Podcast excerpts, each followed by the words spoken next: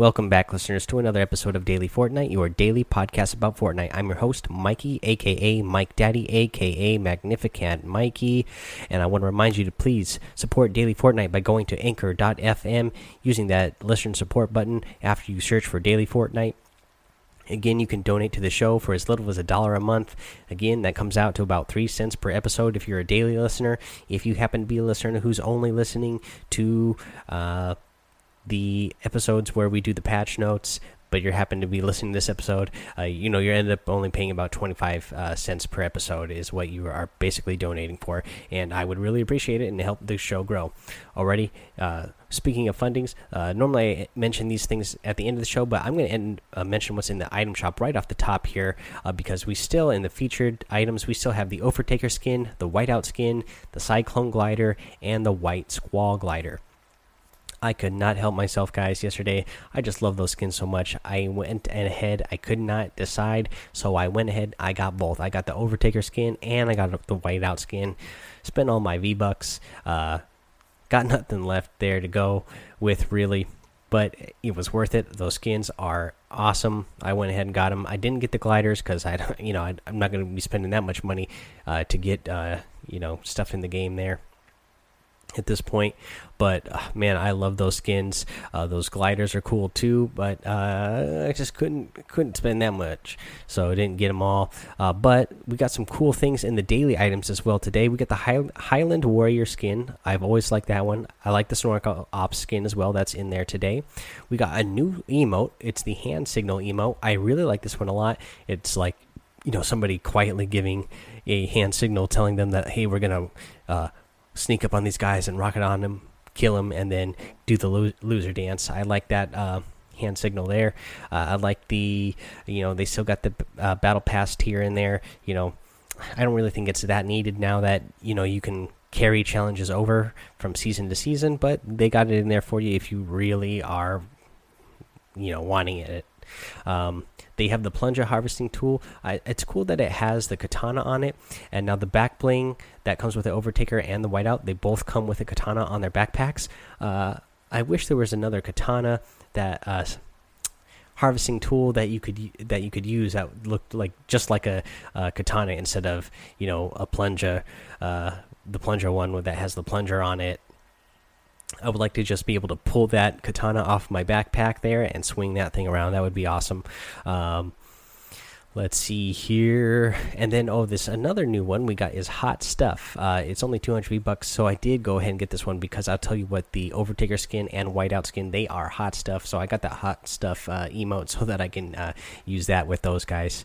Uh, yeah but that's what's in the item shop today. So now let's get into what we normally uh, the main things that we cover in the show here first thing we're going to cover uh, that i want to mention here a little bit of news is the sniper shootout has been changed from solo to duos uh, they don't give you multiple option. They just change it from solo to duos. So, you know, there was a lot of um, talk in the, the Fortnite community that they were wish that it was duos and squads available. Well, we got duos available now. No more solos, but um, at least you can play with your friends. Let's see here. Uh, the other thing I want to talk about today, a little bit of news, is uh, the summer skirmish, week six. What we got going on here today. It's a little bit different format than what we've had in the past, so let's kind of go over that now. They put a post about it on EpicGames.com. They've said summer skirmish, week six standings, and this is by the Fortnite team. So the week six format is Kingpin. Each game, teams will be ranked on a contest leaderboard based on the points earned in a single game. Teams will be awarded prize money at the end of each game based on the amount of points during uh, that specific game. So that's different from what they did in the past. Instead of just somebody being an ultimate winner at the end of the tournament and getting a big prize, you could get uh, prizes for each match. Uh, and there was, you know, you know first place got so much and then it went down from there. Uh, but you know there wasn't just one big prize for getting first place overall. You could get a uh, you know you could earn a big pot by getting uh, placing high each you know points wise in each match. So eliminations in this competition will be scored to determine points and placement during each game. Victory Royales will provide a multiplier to the next game's points. A total of five games will be played for each region each day. So they are splitting it up between the two days. So group one will be begin at will begin approximately at 9 a.m. Uh, Pacific time, uh, five total matches, and then Group Two will play uh, will begin at approximately 2 p.m. Pacific Standard Time. Again, five total matches, and the way they did this was uh, Group One in the morning. That was the EU players, and Group Two was the uh, North American players. Uh, and then more information can be found on the Twitch Rivals page, and then they have a link here. Uh, teams will be awarded points and prizes after each game based on the following scoring system. So the Victory Royale gave you a three times multiplier to the next game's points, and the uh, if you had seven plus eliminations, that gave you a times two multiplier on the next game's uh, points each elimination was worth one point, and it said these multipliers do not stack and only last for the next game. For example, an eight elimination game with a victory royale would only grant a three times multiplier uh, to points for the next game, not a five times multiplier for the next game. And then, uh, so at the end of day one standings, uh, we'll just kind of go off the top of the board here. Uh, Solary Kinstaar and Lunary uh, JBized are the ones that are top of the leaderboard. Um, and let's see here in Group Two, uh, Nate Hill and Funk Bomb are atop the leaderboard, and they have 34 points. And again, uh, sorry, Solary, Kinstaar, and Lunary uh, from the EU, they're atop their leaderboard, leaderboard with 32 points. I didn't get to watch much of the uh, EU players as I had worked this morning, but I watched almost all of the North American play uh, this afternoon when I got home. And I'll tell you what, Nate Hill and Funk Bomb, yeah, they were dominating, especially Nate Hill. It was pretty crazy. They did pretty good. Um, you know, since I'm a uh, PlayStation user, I want to uh, say that Nick Mercs and Cypher PK, they're in, currently in third place. And then uh, tomorrow we will get the same format. You know, Group One is going to play in the morning, Group Two is going to play in the afternoon. And again, I would suggest to you guys to be watching this, uh, to be watching, uh, you know, uh, a whole. Uh, a whole game of professionals playing against each other and what that looks like, and be picking up a lot of tips from them. Okay, there's that. The next thing I want to talk about uh, is going to be a kind of a long thing to talk about is the how to complete the time trials in this week's challenges. I cannot stand these challenges. I hope Fortnite doesn't do any more of these. Uh, this is kind of ridiculous in my view. Uh, I've seen a lot of people complaining that you know they're trying to get the time challenges done, and because they take so long uh, and you have to run around, you might land somewhere wanting to just get that time challenge done and then somebody's going to uh, come running along who has a weapon and they even though they see that you're doing a time trial and you probably don't even have a weapon they're going to go ahead and get that easy kill on you anyways. Um, you know there are some people out there you know that go ahead and let you get that challenge done but it seems like people are just you know going to town killing people who are trying to get this time challenge done. So in a game that is meant to be you know a survival game where you're shooting each other i just don't like the whole time trial thing. I mean it would be a fun aspect if it was something you could do without having to worry about being killed all the time, but uh, it's something you have to worry about. I guess if you played in 50v50s, uh, you'd have an easier time as long as you know uh, you landed on the side that uh, the time trials were on, and it would be, it would still be annoying if you had to you know, if your bus kept landing on the same side, you know, for multiple games in a row, and you wanted to get to the other side uh, to do the time trials and have more time to do it. But anyways, let's get into doing these. Um, I'm just going to kind of go one by one, and I'm going to give a little tip for each one to help you get them done. Uh, normally, I don't go into this much detail for the challenges, but this one is so ridiculous that uh, I feel like I got to help you out a little bit more so that you have a little bit heads up on each one and kind of what you are going to be looking for and how hard and easy they're going to be. So the first one is southeast of Junk Junction. It's next to the Easterhead statue over there. This one is a hard one. You're going to need to pre-build for this one, so you're going to need to hit that time trial button see where the all the um, clocks are, start building towards them. Um, and then you know you're not going to get them all in one try so leave your build there hit that time trial thing again and then just keep building however many times you need to do this to get a big enough build so that uh, you can eventually run to all of them straight away very annoying again because uh, you have to pre-build everything. You're not going to be able to get it in one shot.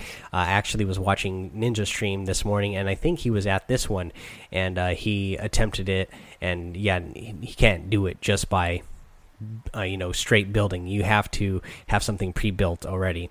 Uh, let's see here. The next one is the south end of Snobby Shores. This wasn't. I put this one as hard. It's not super hard. You don't need to build, but it does require ATK because you have to jump across the little uh, little road there where the jump is.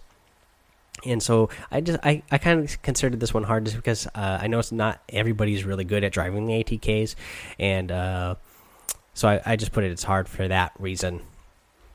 Uh, let's see here, northwest from Tomato Town in the river is I put this one as a hard one as well because you also need an ATK or a shopping cart here.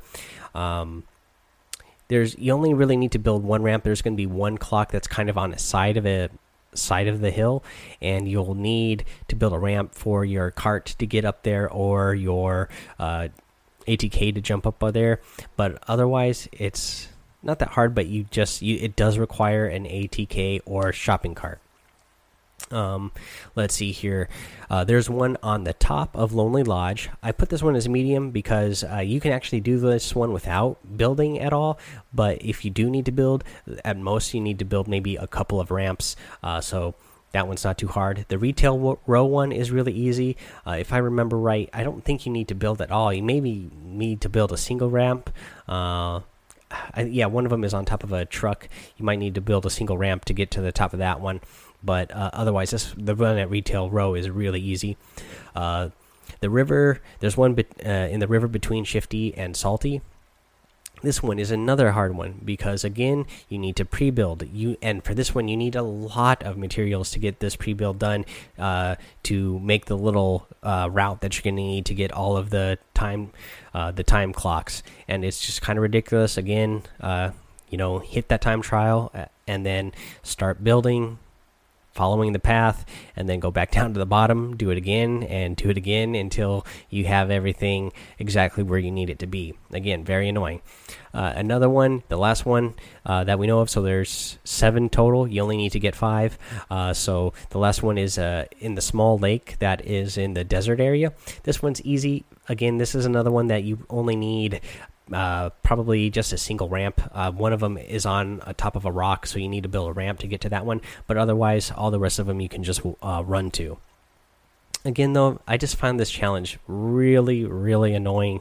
Uh, doesn't really fit in the style of game that Fortnite is because so many people are just coming up on you and killing you when you're trying to get these challenges done, and uh, it's just really out of the way of the game uh, to be doing this. I think.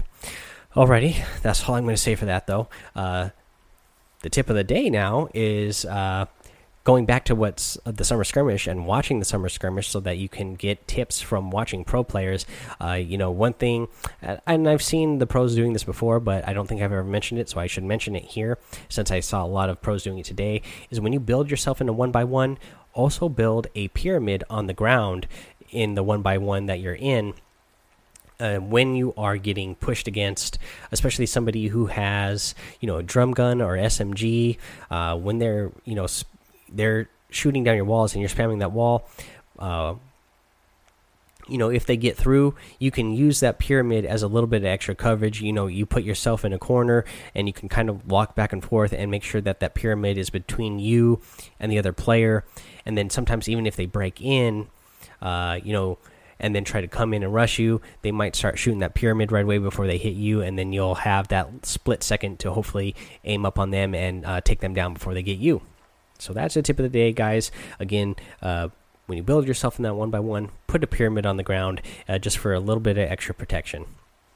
Alrighty, guys. Uh, again, one last time, if you could please support Daily Fortnite on the Anchor app by going to uh, anchor.fm and Daily Fortnite and then hitting that listener support button. I would greatly appreciate it.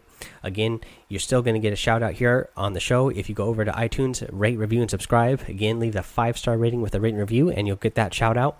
No new reviews to read today, uh, but go ahead and give me a follow over on Twitch. Uh, you know, I stream on Twitch. If you like what I do over on Twitch, uh, you know, you can use your Twitch Prime sub to uh, give me a little uh, support over there as well.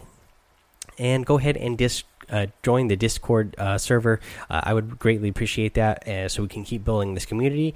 And uh, yeah, guys, that's all I have for you today. So until tomorrow's episode, have fun, be safe, and don't get lost in the storm.